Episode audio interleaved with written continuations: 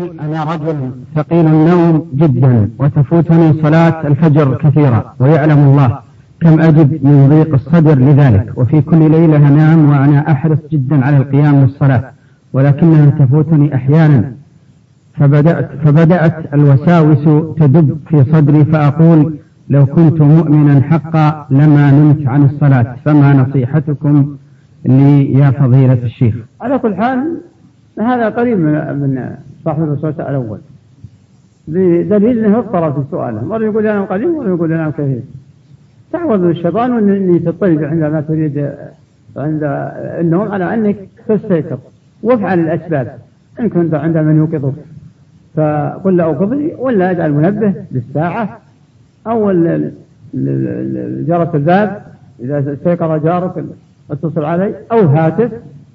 وإذا حصل فوات حرص يوم من الأيام فأنت تؤجر يكتب لك ما كنت تصلي مع الجماعة.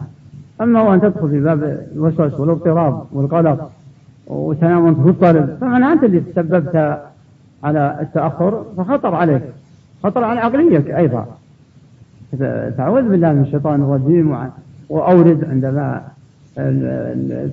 تضع جنبك وسأل ربك أنه يكفك من نومة الغفلة وأنه النية الطيبة واستعمل الأسباب. أحد يوقظك أو منبه. وبهذا تسلم الله الحمد من وسواس الشيطان. نعم. سائل يقول هل الميت تصله ثواب الصدقات وقراءة القرآن الكريم عنه وذبح الأضحية عنه من قبل أهله أم لا؟ أفتونا جزاكم الله خيرا. على كل حال الصدقات تصل إليه إن شاء الله. وكذلك الأضحية تصل إليه. ما المانع وقراءة القرآن آه هذا على رأي بعض العلماء وأنا عندي ما في مانع الحمد لله. ولهذا عند الحنابلة نص عبارتهم وأي قربة أهداها حي لميت وصله ثوابها. وصله ثوابها. ف... والاستغفار عنه يعني كما ي... إنه يصل ثواب الاستغفار استغفر الله لي ولفلان والصدقة عنه وأن تتصدق عنهما عن والديه لما سأل عن بر الوالدين بعد موتهما وأما قوله تعالى وأن ليس للإنسان إلا ما سعى فمعناه لا يملك إلا ما إلا سعيه هو. أما ما أهدي إليه هو ما يملكه لكن لما أهدي إليه وصله ثوابه. هذه ذكرها ذكرها العلماء في العقائد شرح الطحاوي وغيره. وأنا أدري السائل فاهم عن بعض الأمور. من حيث الأضحية. وتكلمتكم عن مسألة الخلاف. وليس معناه كل ما وجد من قول أضطرب الإنسان. ما في قول. إلا إلا وما في مسألة إلا وفيها أقوال. ولكن الإنسان له منهج. فإن كان طالب علم هو ماشي على طريقة علماء السابقين. وإن رجح بعض المسائل فلا نادر وإن كان ليس طالب ليس طالب علم فعليه أن يسأل من يثق به الحاصل الميت أهد له آه، الصدقة والأضحية الرسول عليه الصلاة والسلام قال عني وعن من لم يضحي من أمتي. من لم يضحي من أمتي ولا قيده الرسول في الأحياء. يبقى معنا ثواب آه، القرآن. آه، بعض العلماء يراه. فلو قرأت القرآن وأهديت ثوابه لميتك فلا أستطيع أن أمنعه. وإن قال لك أحد لم يرد فقل لبعض العلماء ألحقه بالدعوات الأخرى مثل ما جوز الاستغفار له والدعاء له وأهديت ثوابه فالحمد لله. وهذه مسألة مبثوثة في العقائد. و وفي وبحث شرح الطحوية على قوله وفي دعاء الأحياء منفعة للأموات. وفي دعاء الأحياء منفعة للأموات. الحمد لله. الحاصل آه، الأمر لله الحمد واضح. وحينما نسمع من يقول لا لا يصلح نقول كيفك نأخذ ما دام معك دليل امشي على اللي ترى. أنت الانسان أو ان سابقك علماء. يعني المذهب عندنا؟ أي قربة؟ تهديها للميت عند الحنابلة فيوصل ثواب إن شاء الله. نعم. أحسن الله إليك. هناك فئة من الناس يعتقدون أن الجن يخافون من الذئب وعندما يجدون ذئبا ميتا فإنهم يأخذون منه جزءا صغيرا كالأذن أو قطعة من جسمه لكي يضعونها في بيوتهم أو أماكن أغنامهم لكي يمنعوا الجن من تواجدهم عندهم. لا هذه خرافات من فعال الجاهلية. ولا ولا للصحة. ولا يبالي الجن بالإنس. ولا يبالي الجن بالذئب أبدا. هذه من خرافات الكهنة والمشعوذين. ولهذا بالله ثم هذه الدعوة التوحيد رفعت عن الجزيرة.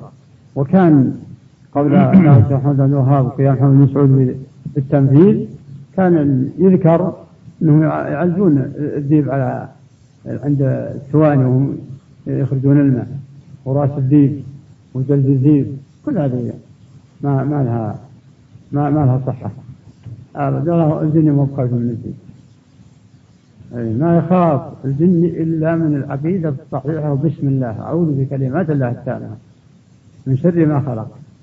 الذي أرشد له الرسول عليه الصلاة والسلام من نزل منزلا فقال أعوذ بكلمات الله التامة لم يضره شيء حتى يرحل من منزله.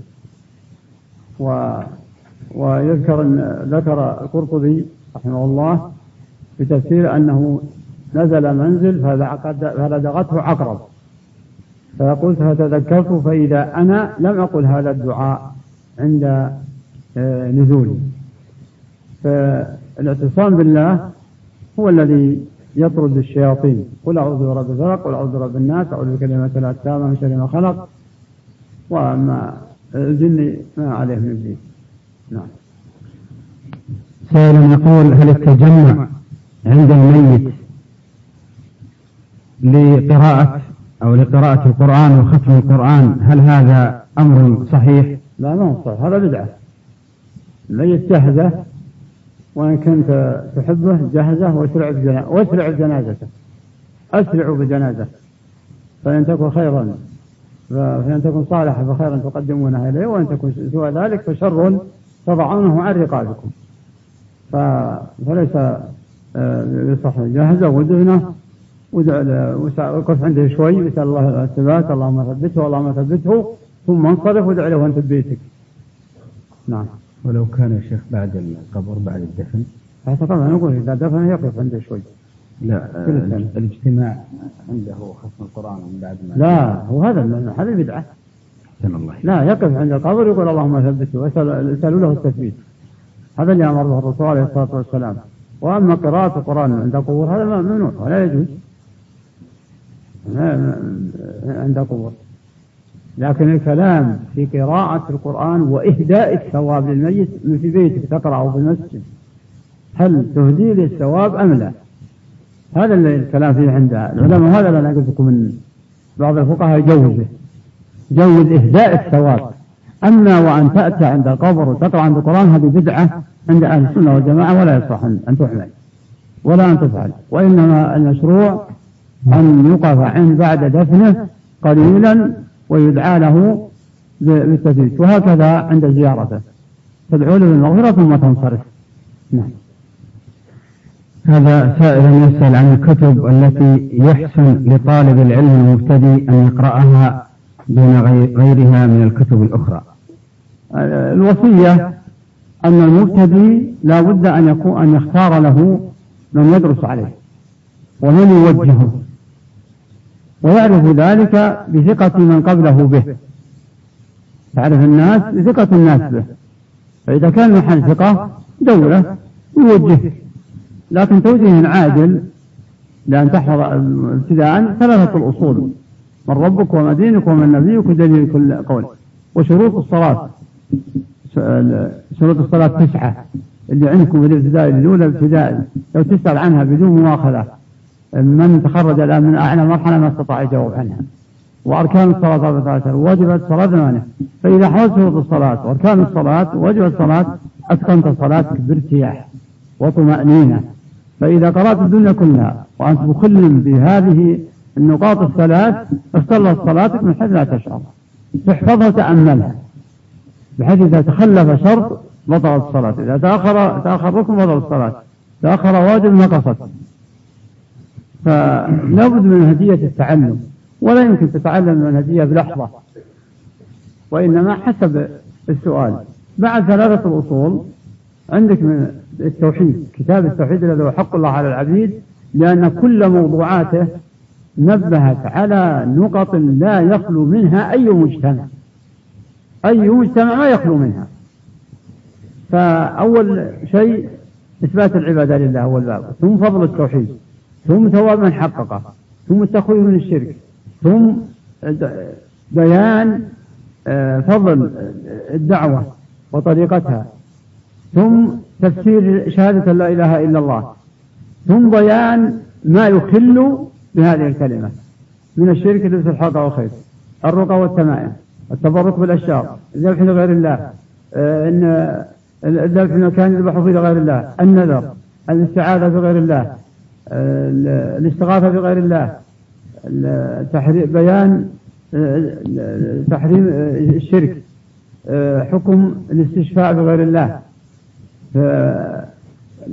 الحرص على هداية الكافر إذا من الإنسان آه، دعاه لا تندم عليه يعني الرسول صلى الله عليه وسلم يقول يا عم قل لا اله الا قل ما نزلت انك لا تهدي من احببت آه، بيان سبب الكفر عشان تجتنبه بيان حكم الغلو في الصالحين بيان السحر وهكذا يعني نقاط لا يستغني عنها أي مجتمع. حكم التطير حكم الكهانة المحبة آه، الخوف من غير الله التي الذي يحمل على فعل محرم أو ترك واجب. آه، وجوب التوكل على الله تحريم الأمن من مكر الله. يعني نقاط ماذا تريد أحسن منها من هذه الموضوعات؟ بيان آه، الشرك الأصغر حكم الحلف بغير الله قول ما شاء الله وشئت حكم الاستهزاء بالدين حكم كفران النعمة حكم السلام قول السلام على الله اللهم اغفر لي إن شئت النهي عن سب الريح الظن السوء والظن الحسن ما جاء في منكر القدر. تريد أحسن من المعاني؟ ما في أحسن من المعاني. حكم التصوير بكثرة الحدث الاستشفاع بغير الله الاقسام على الله. ثم ختم ببيان القدرة الإلهية. باب قول الله تعالى وما قدر الله حق قدره.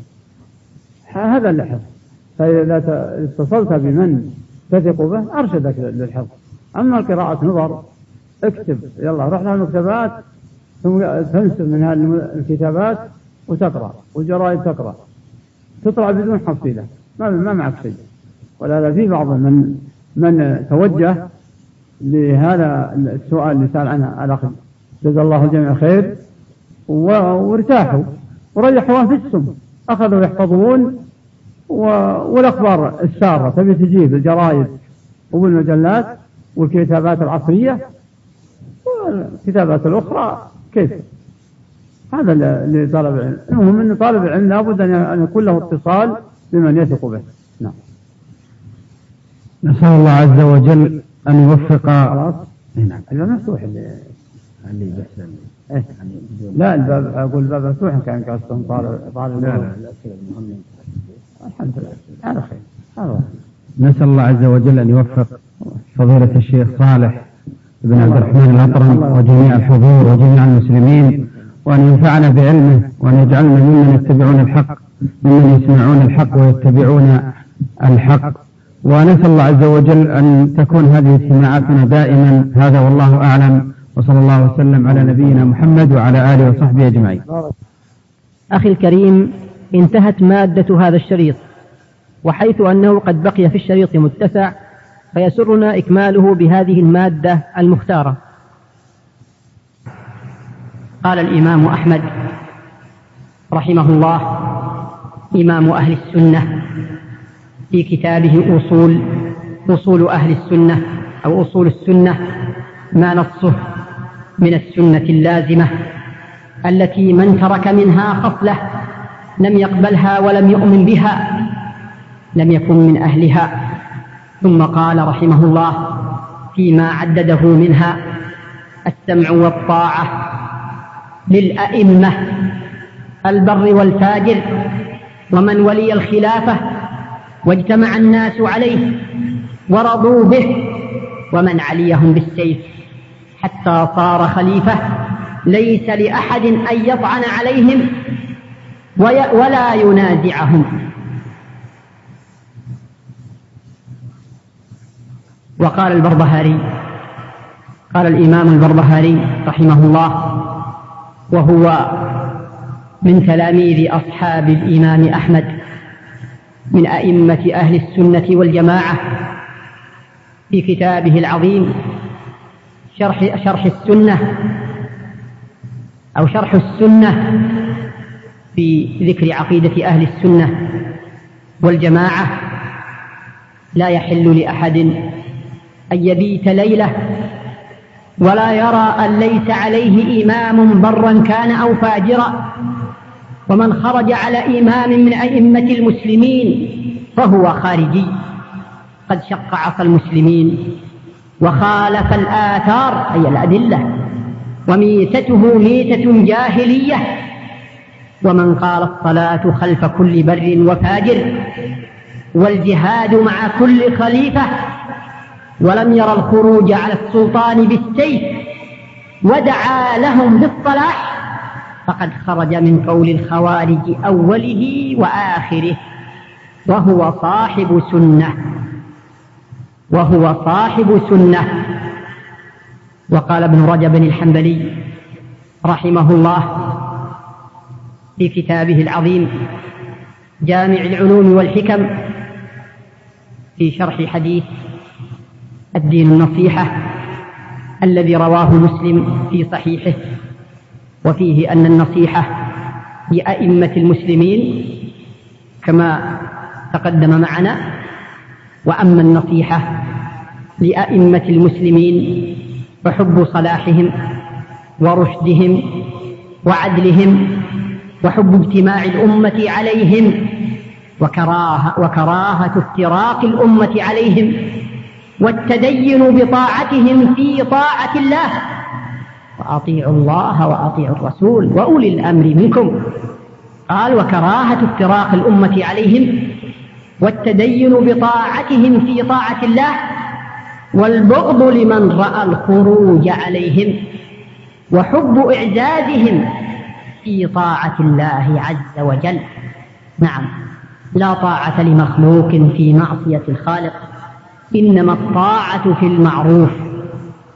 وقال النووي رحمه الله في شرح صحيح مسلم وأما النصيحة لأئمة المسلمين فمعاونتهم على الحق وطاعتهم فيه وأمرهم به وتنبيههم وتذكيرهم برفق ولطف وإعلامهم بما غفلوا عنه ولم يبلغهم من حقوق المسلمين. وترك الخروج عليهم وتألف قلوب الناس لطاعتهم وتألف قلوب الناس لطاعتهم الذي يجلس في محاضرة أو يقف على المنبر فيذهب يشرب فيهم ويطعن فيهم ويذكر من مساويهم ويقبر ويخفي محاسنهم وما من الله به من الفضل في وجودهم وهو الذي يقول دائما تعمدني بنصحك في انفراد وجنبني النصيحة في الجماعة فإن النصح بين الناس نوع من التوبيخ لا أرضى استماعه فإن عصيتني فإن خالفتني وعصيت أمري فلا تجزع إذا لم تعط طاعة. الله أكبر. ولا أطيعك ولا كرامة. مع أن هذا ليس هو أدب الشرع. أدب الشرع الذي جاء به محمد صلى الله عليه وسلم أن يبين الحق. وأن يبين بحكمة. والحكمة هي وضع الشيء في موضعه. فحتى ولو كان أمام الناس. إذا كانت الحكمة أن تبين للناس حتى لا يروج عليهم الباطل. هذا هو الذي جاء به الإسلام. هذا هو الذي جاء به هذا الدين. ورسول الله صلى الله عليه وسلم يقول للخطيب الذي قال ومن يعصهما يعني من يعص الله ورسوله فقد غوى. قال بئس خطيب القوم أنت. وقال لصاحبه عندما عير أحد الصحابة بأمه قال له يا ابن السوداء قال أعيرته بأمه إنك امرؤ فيك جاهلية. حينما طرق عليه الباب أحد الصحابة قال له صلى الله عليه وسلم ائذنوا له. أخو العشيرة. لما دخل ألآن له الكلام فتعجبت عائشة رضي الله عنها. فلما ذهب قالت له يا رسول الله قلت ما قلت.